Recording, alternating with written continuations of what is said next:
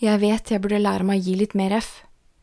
Sårbarheten lyser av de jeg møter i coaching for stress, som har blitt fortalt gjentatte ganger at de må lære seg den kunsten, å gi litt mer F.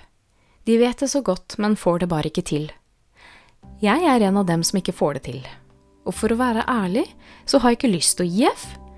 Jeg har lært meg noe som funker bedre, og den læringa deler jeg med deg i denne episoden. Du lytter til Med hjertet for jobben, en podkast om stressmestring og arbeidsglede, selvledelse og karriere.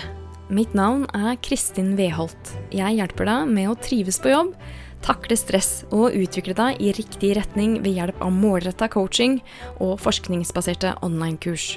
Du finner meg på kristinweholt.no.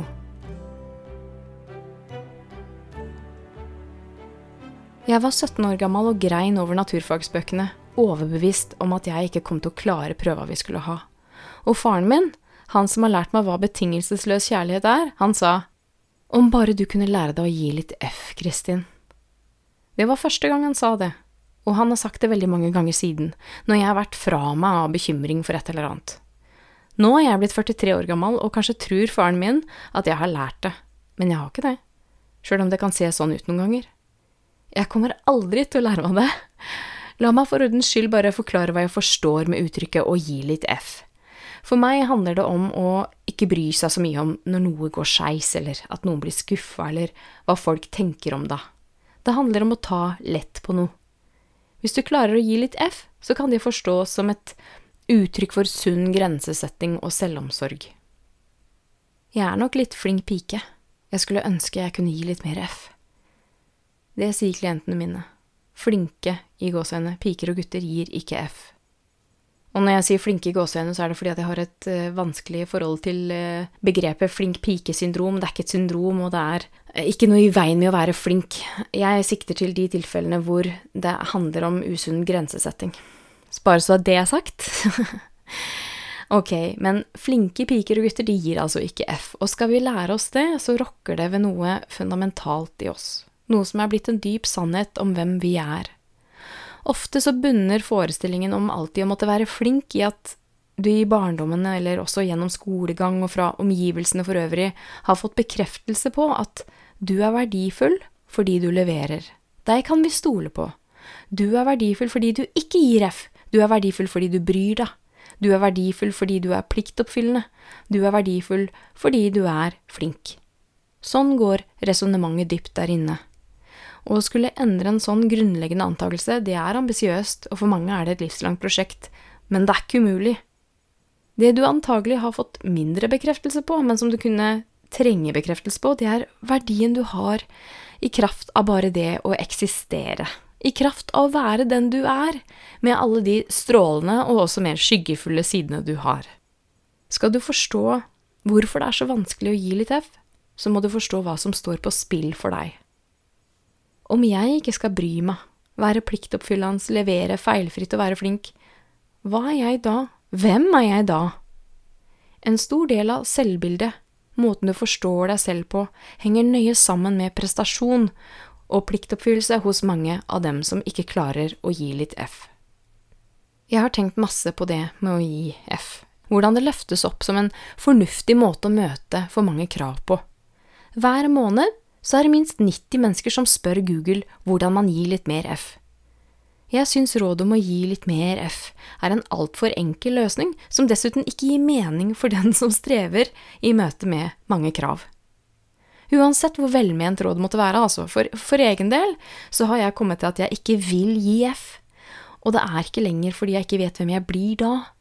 Jeg syns rett og slett ikke det å gi F er en edel kunst, og dessuten så, så er det unødvendig.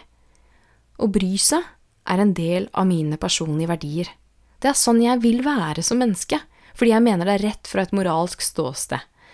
Men hvor mye skal jeg egentlig bry meg, og hva skal jeg bry meg om mest? Jeg husker fortsatt den kvelden for åtte år siden da jeg sto og stirra inn i badespeilet, på ansiktet mitt, som av et voldsomt, langvarig stress hadde begynt å eldes i en rasende fart. Om ikke jeg lærer meg å sette sunne grenser og bry meg om meg sjøl først, hvor vil jeg være om et års tid? Det husker jeg at jeg tenkte. Hvordan vil jeg ha det da? Hvordan vil livet mitt se ut? Det var ingenting vakkert ved scenarioet. Om ikke kroppen min kollapsa først, så ville jeg antagelig få dårlige resultater på jobb fordi jeg ikke fungerte godt lenger. Og jeg ville ha tynnslitte relasjoner til de jeg var glad i, fordi jeg ikke hadde noe å gi, jeg dreiv jo rovdrift på meg sjøl. Brutaliteten i selvpiskinga og tvilen jeg følte overfor meg sjøl og mine evner som arbeidstaker, og som menneske, de ville bare øke. Og ensomheten, den ville sakte, men sikkert tære bort forstanden min. Jeg som er så opptatt av etikk og moral, ville det være i tråd med mine verdier? Ikke bare ville jeg svikte alle de jeg brydde meg om fordi jeg ikke klarte å være hel for de, jeg ville også vise lite respekt for dette ene livet jeg har fått, dette mirakelet av en sjanse her på kloden. Var det greit for meg å bare gi F i det? Svaret var selvfølgelig nei, men i praksis var det det jeg gjorde om ikke jeg tok ansvar for meg sjøl først så må du for all del ikke tro at det gikk noen strak vei herfra og ut av ufør jeg hadde havna i, det var en lang prosess, og jeg har fortsatt tilbakefall til manglende grenser og overidentifikasjon med resultater jeg får i arbeidet jeg gjør. Men det ligger virkelig et hav mellom den jeg var den gangen i speilet for åtte år siden, og den jeg er i dag, i måten jeg forholder meg til å måtte si nei til noen, eller måten jeg forholder meg til mine egne feil. Jeg lever mye bedre i dag med ikke å møte alle krav jeg tror jeg må innfri enn det jeg gjorde den gangen. Det å gi litt mer F var ikke veien å gå for meg, fordi det var noen underliggende verdier som dreiv meg til å bry meg, så jeg måtte jobbe med de verdiene isteden. Hvis du lurer på hva dine personlige verdier er, har jeg et gratis verktøy til deg som du kan laste ned på nettsidene mine. Det heter Livshjulet, og er et kjent verktøy fra coaching. Du finner Livshjulet på kristinviholt.no slash livshjulet. Verdier er varige saker. Du bytter ikke bare ut som et par sko som har gått av moten. Men du kan sette verdiene dine inn i et nytt perspektiv. Du kan gjøre verdiene dine mer fleksible ved å balansere de mot hverandre. Du er ikke moralsk korrupt av den grunn. Og for min del så handla det om at begreper som det å bry seg og det å være flink måtte få en utvida betydning. Jeg måtte oppdage at det ville være umulig for meg å fortsette å være flink om ikke jeg samtidig brydde meg om meg sjøl. Kanskje virker det her banalt for deg, for en klisjé, liksom, men det, det, var ikke banalt for meg, og det er ikke banalt for dem jeg møter i coaching heller. Én ting er å forstå det her intellektuelt, det kan sikkert alle gjøre, altså at det er selvomsorg og grensesetting som må til, men noe annet er å praktisere det. For å få til den transformasjonen, så må du gjerne inn i noen dype emosjonelle mønstre, lege gamle sår og forsone deg med gamle konflikter. Har du mot å gjøre det arbeidet, så vil du se at du fortsatt kan leve i tråd med verdiene dine. Du kan fortsatt bry deg. Du trenger ikke å måtte gi F. Bare så det er sagt, jeg syns fortsatt det er leit å måtte skuffe deg ved å takke nei til middagsinvitasjonen din fordi jeg må gjøre noe viktigere for meg sjøl, men jeg er klar på prioriteringene mine. De er styrt av verdiene mine. Og så velger jeg heller å tro at du egentlig forstår prioriteringa mi, og at det ikke handler om at jeg ikke bryr meg.